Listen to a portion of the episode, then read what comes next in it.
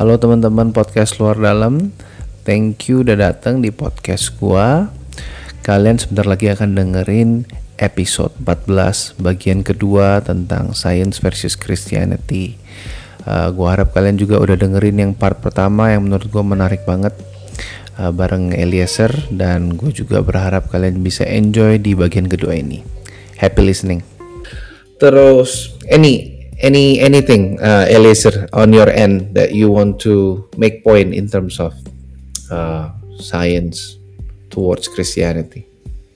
Ya, pada akhirnya yang gue sadari juga dengan semakin ke sini gue menyadari bahwa sebenarnya satu hal lagi yang gue sering uh, yang gue makin ke sini makin sadarnya adalah sebenarnya banyak let's say prinsip-prinsip Alkitab yang kemudian me, yang I mean it's just principle but mm-hmm. then later out kita menemukan bahwa science it's beneficial also scientifically gitu.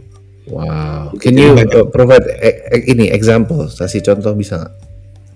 Contohnya ya misalnya kayak dia ya kita kan bilang suruh mengampuni, mengampuni, mengampuni gitu kan. Mm-hmm. Dan kenapa kenapa misalnya itu penting buat kita gitu karena belakangan pun scientifically udah uh, ditemukan riset bahwa uh, waktu kita mengampuni itu kita kayak starting the point of resetting our mind gitu. Jadi kayak kita me reset. Kayaknya ini mungkin ko ko E juga pernah share juga gak sih soal forgiveness ini dan gimana rasanya oh. mungkin kayaknya mungkin ko E lebih bisa share dari pengalaman pribadi mungkin. Iya sih, uh, kalau forgiveness memang ada banyak forgiveness sekali dalam hidup gua, series of forgiveness. Karena ya basically kalau yang gua rasain ya, ini kita nggak usah bicara science dulu ya, about uh, experience-nya dulu, forgiveness itu memang membebaskan. Forgiveness yeah. itu membebaskan gua dan juga membebaskan orang yang gua forgive itu. Jadi dia juga free from guilt. At least gua harus kasih tahu kalau dia pun nggak kasih tahu gue percaya spiritually juga dia feel something gitu kan hmm. dan um, yang gue tahu tentang forgiveness itu adalah sainsnya adalah uh, waktu kita forgive orang itu hati jantung kita itu kayak ngeriset loh kayak kom kayak komputer atau laptop handphone tuh di restart hmm. jadi bener-bener uh, berarti itu apa? Kalau di restart tuh cache-nya di reset, di clear cache, terus RAM-nya di refresh, storage-nya temporary file apa semua hilang, sudah nggak ada gitu kan. Dan kayak uh, uh, clean sheet gitu, start a new page, start a new page. Dan itu itu mungkin oversimplify tapi probably that's the apa the most simple explanation tentang forgiveness gitu. Dan juga gue nemuin lagi beberapa hari lalu bahwa forgiveness itu bisa bikin tubuh kita lebih sehat. Ya. Nggak gampang kena penyakit jantung stroke. Dan ya yeah, I think it's just amazing gitu kan bahwa yeah. Tuhan yang lu bilang tadi apa scientific things gitu loh kayak ketak ha, kayak ini hati yang gembira adalah obat. Ya itu what do you think that? Hati yang gembira. Nah mulai nyanyi. datang tuanya ya kita ya.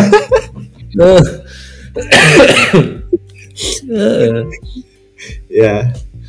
Ya I guess I guess memang pada akhirnya banyak uh, pada akhirnya kalau buat gue pribadi gue harus bilang again Alkitab bukan buku sains dan yes. gue bersyukur Alkitab bukan buku sains gitu karena kalau Alkitab adalah buku sains maka yang bisa baca dan ngerti Alkitab tuh cuman orang yang udah S2 S3 scientist That's a That's very it. good point bro jadi banyak sebenarnya ada beberapa masalah yang yang yang mungkin salah satu masalah yang bisa jadi sumber masalah juga adalah ada orang yang berusaha menilai Alkitab solely berdasarkan jadi kayak publikasi ilmiah gitu. Yes. Walaupun sebenarnya desain Alkitab bukan itu. Yes, kita bisa mengimplemented some of science dan kita bisa menemukan hal-hal prinsipal-prinsipal yang kemudian later kita find out bahwa uh, oke okay, secara scientifically it's proven but mm -hmm. then we have to remember itu bukan bukan bukan uh, bukan scientifical work gitu. Ya, yeah. yeah, I think that's a very uh, apa ya good clarification bahwa uh, untuk memanage ekspektasi bahwa memang kita nggak bisa melihat Alkitab sebagai sains itu kayak ngelihat sepak bola dengan framework basket gitu kan? Iya, yeah, exactly. That's totally two different things. Ya, yeah. dan I guess ya itu yang mungkin kadang orang lupa juga gitu kan. Jadi uh, ya I guess in the end kita harus balance juga dengan dengan penilaian kita tentang gimana uh, kita menafsirkan Alkitab, interpretasi kita terhadap Alkitab pun gimana gitu. Iya, iya sih. Jadi um, jadi memang udah safe to say bahwa memang science doesn't need to be versus Christianity gitu kan karena science and Christianity itu is a two different thing dan it can go hand in hand dan bukan malah versus uh, competition yeah. untuk siapa yang benar gitu kan menurut yeah. gue malah jadi complementary kan karena science yeah. is a language is a way of approach gitu kan yeah. dan Bible itu adalah uh, love love letternya Tuhan yeah. you cannot see love letter in in in a in a scientific way in a way gitu kan ya yeah. like you can but kalau gini loh, menurut gue ya kita bisa melihat aspek hmm. sains dari itu, tapi kalau kita hanya melihat ah yes yes kita hanya dan yeah. problem gitu. Ya, nah inilah pentingnya punya saintis uh, ngobrolin soal sains. Jadi kita tidak boleh melihat kalau gua gua recap ya, ini statementnya menurut gua powerful sih bro. Jadi kita bisa melihat uh, aspek sains dari Alkitab, scientific dari Alkitab, tapi kita tidak walaupun Alkitab bukan buku sains, tapi dia uh, Alkitab mengandung sains, tapi kita tidak boleh melihat hanya scientific aspeknya di Alkitab karena Alkitab yeah. itu lebih dari itu uh, dan yeah. bukan hanya tentang sains tapi tentang uh, karya Kristus itu kan yeah. ada redemption, forgiveness, grace yeah. dan itu it's even more beautiful than science gitu kalau menurut gua. Yes. Ya, yeah, I think itulah uh, Alkitab ya jadi dari dari sekian banyak aspek yang kemudian men, men, membentuk satu kesatuan yang kohesif dan ya yeah, it's amazing sih. Iya, gua gua suka gua suka dengerin podcastnya si ini. Nah, kalau lo tahu itu si Justin Brierley. Mm-hmm. Justin Brierley itu dia punya podcast namanya Unbelievable. Dia dulu tuh uh, uh, hampir jadi ateis katanya. Dan oh kalau kalau dengerin podcastnya dia itu uh, asli super berat gue kagak ngerti gue harus pause setiap berapa menit atau berapa ya satu dua menit untuk cari di dictionary itu dia ngomong apa sih jadi kalau podcast dia satu jam gue bisa habis tiga jam untuk dengerin wow Yeah. Tapi anyway, ada dia bikin konten yang very easy to chew, yang mudah untuk dicerna di Instagram. Yeah. Dia ngomong kayak gini uh, apakah science itu bisa explain everything? Enggak. Tapi science can explain something dia bilang. Contohnya yeah. itu uh, a cake gitu, sebuah yeah. uh, kue. Science bisa menjelaskan berapa kadar gulanya, tepungnya, yeah. airnya, hmm. kapan dibuatnya, apakah ini busuk atau tidak, dan lain sebagainya kan. Yeah. Nah, poin yang penting yang dia menarik adalah tapi sains nggak bisa jelasin kenapa cake ini dibuat. Exactly. Ya, yeah. oh, wow. That's powerful. Itu kan powerful banget kan? Ya, ya. Yeah, Jadi yeah. kalau kita mau tahu kenapa cake ini dibuat dan waktu itu konteksnya adalah yang dibikin adalah istrinya, ya harus tanya ke pembuatnya yaitu istrinya yeah. yang bikin cake yang di dalam video yang gue lihat tadi. Same yeah. with life gitu kan? Ya. Yeah. Exactly. Wow. We wow. can we can sejauh dari mana yang sejauh seiring dengan pertumbuhan teknologi, perkembangan teknologi, sejauh yang kita tahu, ya ini like, probably this is the best guess gitu kan, the best guess Yeah. yang kita punya sampai sekarang, except evolution that's a very worst guess gitu kan, the very bad guess gitu. Tapi Yeah. sejauh yang kita punya ya ini yang kita figure it out. Tapi kalau kita mau tanya why am I here? Kenapa kok aku hidup Tuhan? Kenapa kok Yeah. hidup ini seperti ini? Kita harus Yeah. tanya kepada uh, Tuhan dan Yeah. Tuhan yang bisa jawab itu satu-satunya sorry to say teman-teman Yeah. itu cuma Tuhan Yesus gitu kan. Ya. Ya, and dan kalau tadi, tadi kan kita di dari awal tuh banyak ngomong kenapa, kenapa, kenapa gitu kan dan semua kenapa ya kita harus tanya kepada Tuhan. Pada akhirnya kadang yang kenapa itu pertanyaan yang paling susah dijawab. Memang sih. Is exi- existential questions. Iya, existential question gitu kan. Ya. Iya sih, I think it's just ya ya at this point kita bilang safe ya berarti uh, science can go hand in hand with uh, Christianity ya. It complement each other ya. Ya. Terus bro, lu ada personal experience gak regarding yang mungkin mungkin nggak terlalu sensitif atau you're willingly to share uh, regarding experience uh, either supernatural atau natural uh, yang sehubungan dengan iman. Tapi uh, mungkin ya saya secara sains itu mind blowing atau ya probably amazing gitu. Ada nggak bro? Ya I guess kayak well kalau buat gue pribadi sih yang lagi gue jalanin saat ini adalah gue kayak kayak berusaha membangun habit lagi gitu ada ada beberapa habit yang dulu gue lakukan terus karena sibuk segala macam gak ada waktu terus gue kayak agak terbengkalai. Dan itu pun ada sainsnya gitu dan dan pola pikir segala macam itu kan. Kan di Alkitab juga bilang bahwa eh, berubahlah eh, deng- eh, dengan budimu apa eh, apa sih tepatnya Pembaharuan Jangan- budimu. eh Jangan menjadi serupa gitu kan. Nah, Iya, tapi 12. itu kan pembaharuan budimu dan pembaharuan budi itu kan kayak ngubah mindset dan itu pun ternyata gue baca buku yang sebenarnya di direkomendasi nama Koe juga jadi eh, Oh, yang sama gue ya? yang Craig Russell judulnya eh, Winning the War in Your Mind Oh iya iya itu bagus itu. Ya dan dan di situ dibahas dan belakangan gue baca juga buku yang bisa gue rekomend juga eh, John McComer yang nulis eh, judulnya Live Oh, More I love Lies John McComber.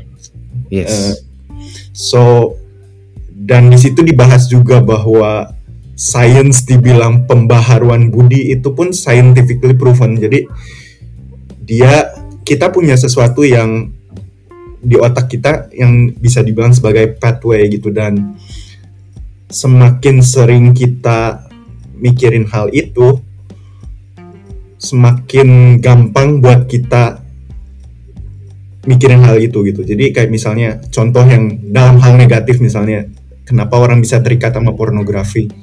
Karena pertama pertama mereka kayak oke dan eh, sekali dua kali tiga kali setelah empat lima kali itu jalannya udah- dibuka ya, jalannya dibuka gitu ya. jalannya terbuka dan dan bahkan kadang nggak kalau udah begitu terikat nggak usah sampai nggak usah sampai nonton pun udah bisa ngebayangin gitu Yes, Kan. that's crazy. gitu dan itu dari sisi dari sisi negatifnya ya tapi kabar gembiranya adalah bahwa ini juga berlaku untuk hal yang positif gitu jadi kalau misalnya kita mikirin Hmm.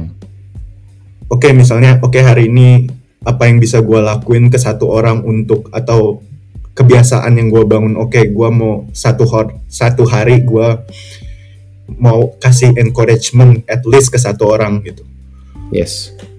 itu pun sama gitu efeknya buat pertama mungkin oke ke- kita masih mikir oke ke siapa dan ngomong apa kedua Hmm. mungkin lebih gampang ketiga kan tapi seiring dengan jalannya waktu itu ada pathway yang terbentuk di otak kita dan itu akan kayak natural buat kita kita akan terus bilang eh gue ngerasa lu ada masalah ini eh kayak automatically nature-nya kita jadi kayak encouraging person gitu dan again itu adalah balik lagi itu adalah satu prinsipal Alkitab yang kemudian belakangan ditemukan bahwa oke okay, scientifically proven gitu.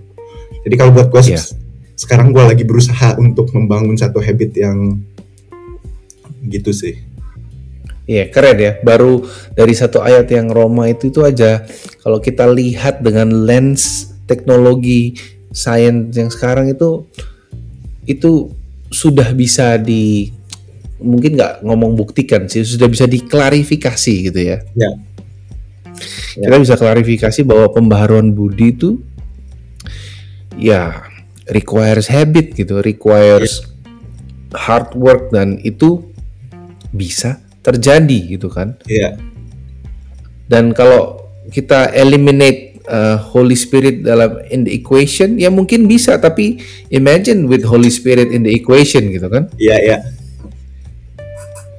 Ya, exactly. Bisa pun mungkin dengan kalau kalau kita eliminate uh, Roh Kudus dalam uh, pekerja, uh, karya uh, kebiasaan itu, mungkin bisa tapi and then kita akan kehilangan motivasi dan yeah. kita akan kehilangan tujuan untuk apa aku ngelakuin ini gitu kan ya. karena yeah. kalau dengan Holy Spirit uh, dia akan akan kasih kita conviction karena Tuhan Yesus sudah mati yeah. buat kita Tuhan Yesus sudah sayang sama kita dan nggak ada perasaan yang lebih menyenangkan bahwa kita tahu bahwa kita disayang sama orang I think yeah. gitu kan disayang sama orang and then we want to give back as a sebagai rasa syukur rasa uh, membalas cintanya Tuhan gitu kan. Yeah. and that's the hmm. beauty gitu. Yep exactly. And I guess ya balik lagi kalau soal a bit of topic sini tapi kalau soal misalnya yang uh, Roh Kudus tanpa Roh Kudus dan dengan Roh Kudus gitu I guess yang membedakan adalah purpose-nya ya. Jadi kayak misalnya purpose-nya kita bisa melakukan sesuatu dengan dengan purpose oke okay, karena kita tahu itu baik cuman at the moment at one point kita ngerasa oke okay, capek ya dan ah ya udahlah nggak usah gue lakuin lagi.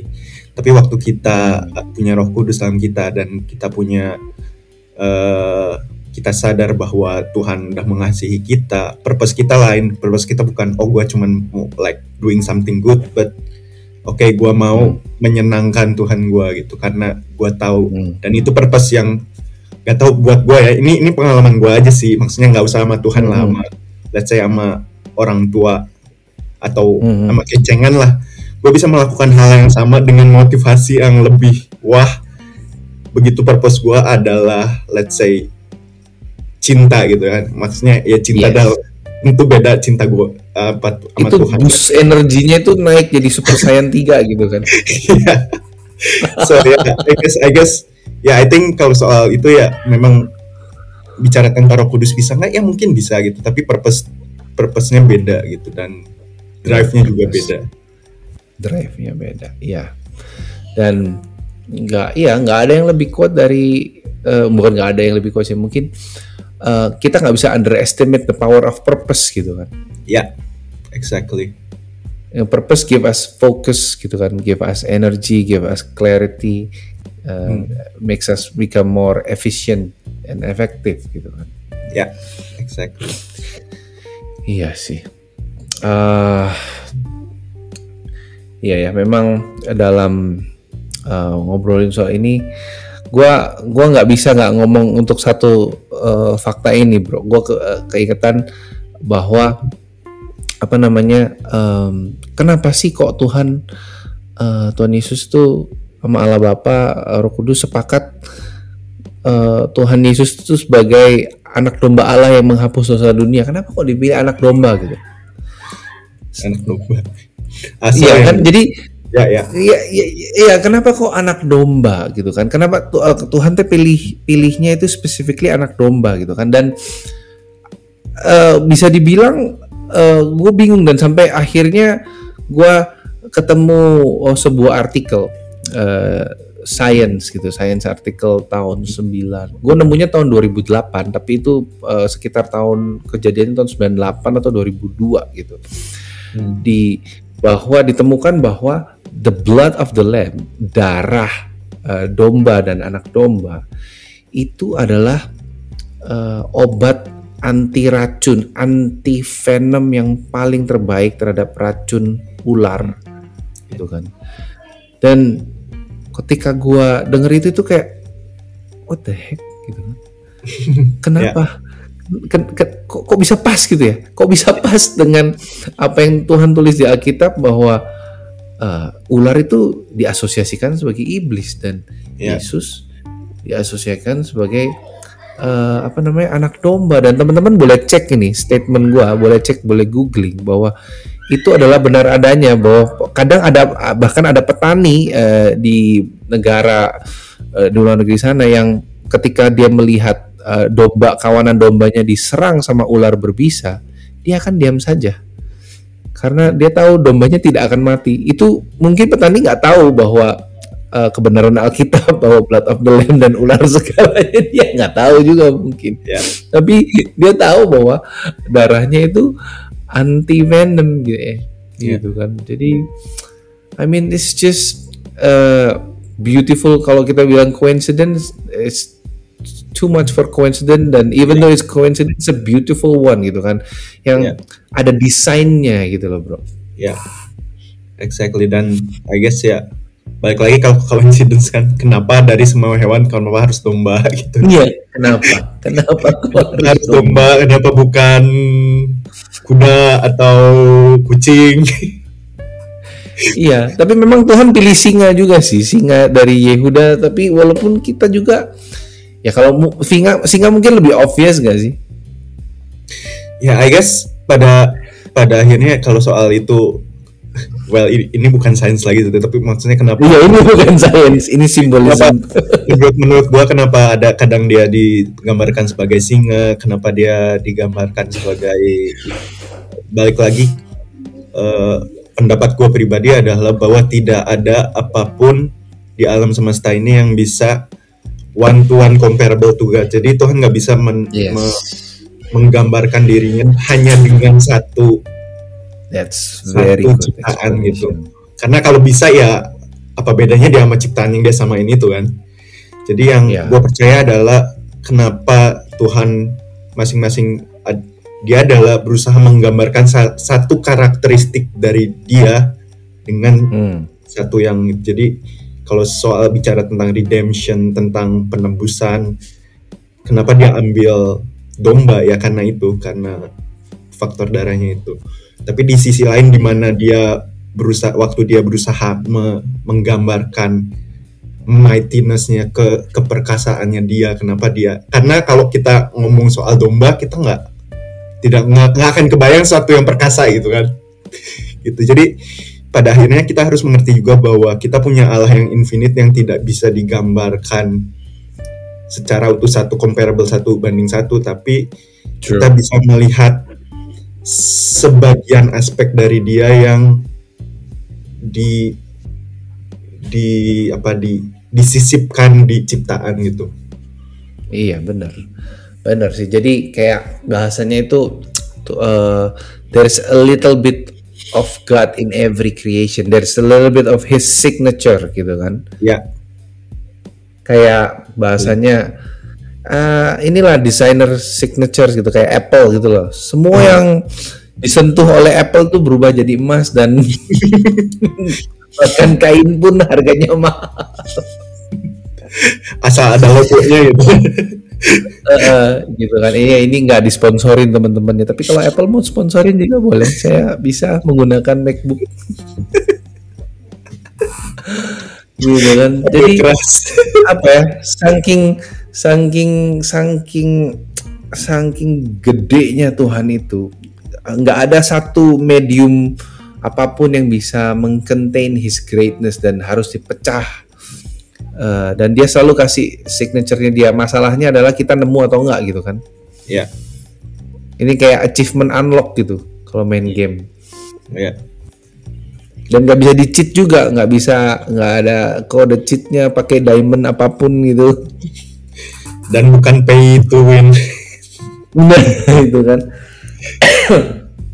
Iya, yeah, I think um, uh, karena kita ngelihatnya ini dari POV Kristen ya, tentunya teman-teman yang eh, nggak uh, percaya Tuhan Yesus atau mungkin teman-teman yang tidak percaya Tuhan sekalipun, teman-teman pasti punya uh, apa ya opposition view gitu kan. Dan I think it's okay sih menurut gua uh, kalau teman-teman dengerin ini dalam uh, posisi teman-teman sebagai seorang ateis I think it's a it's good that you want to hear this and kalau teman-teman pengen ngobrol bisa ngobrol bareng Eliezer juga kali Sir ya di Gak bisa. Oh nggak bisa. Instagram. Ya Instagram bisa di Instagram di, di bisa ditulis lah soalnya nama, nama gue susah. Iya paling uh, so, lu spell dulu lah nanti kan gue bisa kasih captionnya. Uh, oke okay momen ini soalnya pengakuan yang agak konyol gue lupa Instagram gue namanya apa jadi gue bentar Oke, oke. Eh, jadi Instagram gue tuh Eliezer underscore Kurnia. Jadi E L I E Z E R uh -huh. underscore hmm. Kurnia, biasa K U R N I A. Uh, yes. Dan gue di Instagram di situ temennya sama Koe juga. Nah, um, hmm. cuman emang uh, Instagram itu gue private karena ya karena tapi nggak masalah kalau kalian mau kontak just tulis aja di DM bilang eh uh, gue denger uh, gue dapat IG-nya dari denger luar dalam podcast gitu. Nanti gue tahu oke okay dari luar dalam podcast gue approve dan kita bisa ngobrol. Iya dan thank you untuk uh, apa availability-nya ya uh, Eliezer. Dan untuk teman-teman juga kalau mau ngobrol sama gue teman-teman tahu bisa cari di @eriko tandayu bisa cari eh, untuk kalau mau ngobrol kita diskusi terbuka ya kita diskusi terbuka tentang hmm. science and everything ya sebisanya gue jelasin atau bukan jelasin ya mungkin ngobrol-ngobrol dan mungkin kita bisa jadi temen untuk apa namanya uh, ya hanya diskusi yang sehat gitu kan asik kan kalau kita bisa punya uh, teman diskusi yang sehat uh, dan diskusinya itu intelektual gitu kan ya yeah. Iya sih. I think kita udah hampir sampai ke ini ya, at the end of the podcast ya. Yo. Lama juga ya ternyata. Nah, Jauh lebih lama dari yang expected. iya, kita udah uh, ya ini sampai di 75 almost 75 minutes nih. Nah, ya. nah kalau conclusionnya, uh, kalau yang gue bisa conclusion nih, lu bisa tambahin Eliezer, mm, bahwa ya science uh, versus Christianity itu bukanlah sebuah narasi yang perlu diteruskan berarti ya. Iya. Berarti science and Christianity rather yes. than science versus Christianity gitu kan ya. Iya. Uh, lalu yang tadi uh, poin penting yang uh, Eliezer sebutin di awal bahwa science itu still and always growing dan juga begitu juga dengan interpretasi kita terhadap Alkitab dan prinsip-prinsip kebenarannya itu uh, masih dan akan terus bertumbuh. Bukan Alkitabnya ya, tapi interpretasi kita, kitanya, yeah. humannya gitu kan. Yeah. Dan nggak bisa itu apa ya? Itu menurutku fundamental sekali sih. Fundamental sekali. Teman-teman kalau masih nggak paham statement itu uh, track back ke 10 menit awal lalu coba didengerin ulang lagi. Itu itu apa maksudnya gitu kan. Terus apa lagi Eliezer menurut lo conclusion dari pembicaraan kita. Uh, ngobrol ya, I guess, malam ini. kalau buat gue pribadi sih yang paling penting adalah kita punya sikap hati yang humble dan mau belajar sih sebenarnya. Itu kuncinya menurut gue karena uh, terserah dari sisi mana pun kita mendekati itu kita harus pada akhirnya kita harus cukup humble untuk mengakui oke okay, pengetahuan gue nggak sempurna iman gue juga nggak sempurna tapi gue mau belajar untuk diperbaharui belajar lebih baik belajar lebih mengenal Tuhan siapa dan ya I guess uh, mentalitas yang kayak gitu sikap hati yang seperti itu yang pada akhirnya terserah dalam hal Christianity atau scientific tapi hal sikap hati itu yang perlu kita punya sih sebagai orang yang percaya. Iya ya ya itu itu fundamental ya. Sepertinya dalam menyikapi uh, topik ini I think humility is a very uh, solid uh, point bahwa yeah. ya kalau toh kita merasa kita paling benar and then kembali ke framework tadi bahwa sains itu masih terus bertumbuh berkembang dan kita belum tahu semua dan interpretasi kita juga terhadap Alkitab uh, terus bertumbuh. Jadi I think humility goes hand in hand juga dengan framework yeah. itu karena tanpa humility uh, pada akhirnya kita akan uh, hidup dalam kebohongan. Ya. Yeah. Kita hidup yeah. dalam kebohongan pretending dan kita akan kayak mencari cara untuk membuktikan dan pada akhirnya kita capek sendiri sampai yeah. mungkin at the end of our life kita tahu bahwa semuanya itu bohong gitu kan. Iya. Sayang sayang banget gitu ya kalau yeah. sampai kayak gitu ya. Iya sih dan I think teman-teman kalau uh, apa namanya uh, menyikapi topik ini perlu ya itu tadi humility terus ya terus uh, apa keep learning ya keep being hungry. Ya. Yeah. Yeah uh, ada ada beberapa ini uh, apa selain uh, tips praktis uh, Eliezer untuk uh, approach terhadap science maybe ya yang pasti uh, kalau secara sains secara umumnya yang pasti jangan percaya semua yang kamu baca di internet yeah, I think that's that's very fundamental ya. Itu yang paling sederhananya ya. Tapi I mean, uh, ya kalau bisa, so kalau misalnya kalian punya akses ke publikasi apa ya, coba. Tapi mungkin di Indonesia nggak terlalu umum sih ya untuk bisa punya yeah. akses ke publikasi gitu. Tapi at least nggak usah dalam hal yang nggak usah dalam hal yang terlalu saintifik lah secara umum juga kayak kita perlu membangun oke jangan asal percaya itu karena kita baca itu di internet kita coba cari pandangan lainnya juga gimana dan hmm. hmm. I guess kalau dalam topik science gitu ya Iya, contohnya kalau lu dikirimin video tentang teori konspirasi vaksin tuh ada chipnya dan lain sebagainya, jangan langsung di forward guys. Make sense banget sih, karena kalau kan ada yang bilang katanya vaksin itu didesain untuk kontrol manusia kan? Susah-susah sebenarnya kalau mau ngorong mau ngontrol orang Indo mah gampang bikin fake account Instagram juga jadi Gak usah, gak usah, gak usah bikin riset bikin vaksin yang bisa ngontrol otak gitu. Bikin fake account Instagram gratis, langsung beli follower terus uh, bikin konten yang uh, ya gitu lah. iya, jadi gitu ya. Jadi itu kalau itu mungkin uh, ranahnya digital quotient ya. Iya. Digital quotient jadi eh, DQ bukan IQ lagi tapi DQ. Jadi gimana kita yeah. mensaring uh, saring dulu sebelum sharing teman-teman bahasanya. Yeah.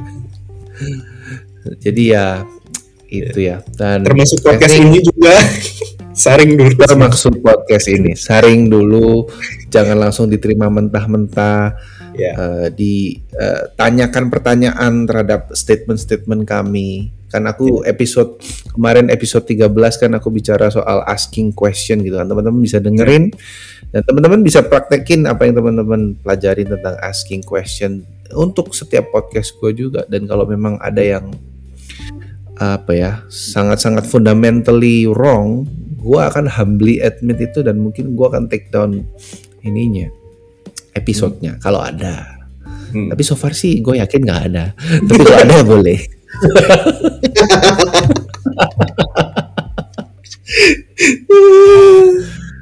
Aduh. Terakhir terakhir nih eh, Eliezer, hmm. lu ada reference nggak? Reference yang mungkin kalau orang yang suka science tetapi juga suka uh, apa dia pengen memperdalam uh, Christianity-nya dan mungkin ingin mencari apa ya kayak yang lo tadi bilang itu memvalidasi kebenaran-kebenaran Alkitab uh, melalui sains atau the other way around ada nggak yang lu kasih uh, referensi? Kalau memang ada orang yang kayak pengen belajar kalau dari Alkitab sih ya so, uh, yang ada satu buku yang bisa gua rekomendasiin itu Unlocking the Bible yang nulisnya David Townsend. Hmm itu memang yes. bukan ya bukan per se ada bagian kecil yang dia di Genesis yang bicara sound science. Tapi hmm. uh, menurut gua itu secara tidak langsung adalah menerapkan prinsip-prinsip scientific kayak approach kayak kalau kita riset atau apa kita punya sekian approach. Dan uh. dan dia terapkan itu terhadap Alkitab gitu. Jadi dia mempelajari uh, konteksnya. Kayak misalnya kitab siapa yang nul uh, surat ini siapa yang nulis ke siapa ini ditulis segala macam dan itu sebenarnya sebenarnya itu scientific approach juga. Tapi dia bahas itu dia tentang Alkitab. Itu buku yang sangat-sangat hmm. bisa gue rekomendasikan karena gue gua gua juga udah baca itu. Dan itu adalah satu buku yang sejak gue baca buku itu itu kayak kok jangan don't get me wrong itu bukan substitusinya Alkitab. Itu bukan yeah. oke okay, gue baca itu jadi gue nggak usah baca Alkitab. Enggak Yes. Ini adalah companionnya Alkitab. Jadi, oh, oke. Okay. Jadi uh, waktu kita baca Alkitab, kadang kan kita nggak ngerti nih apa maksudnya, hmm. kenapa konteksnya, kenapa kok dia bilang kayak gini gitu. Nah itu dijelasin di buku ini gitu, Unlocking the Bible. Jadi waktu jadi semacam baca, scientific komentarinya gitu.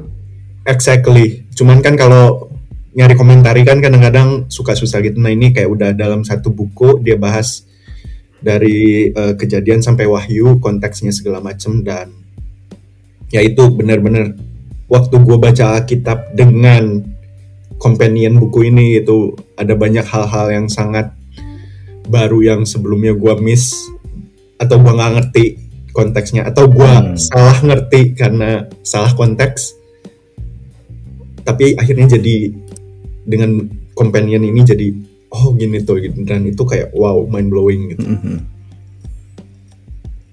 gitu sih.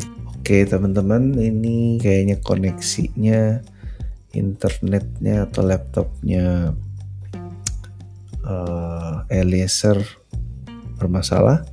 Jadi ya mungkin gua akan stop di sini atau gua coba tungguin dulu ya. Tapi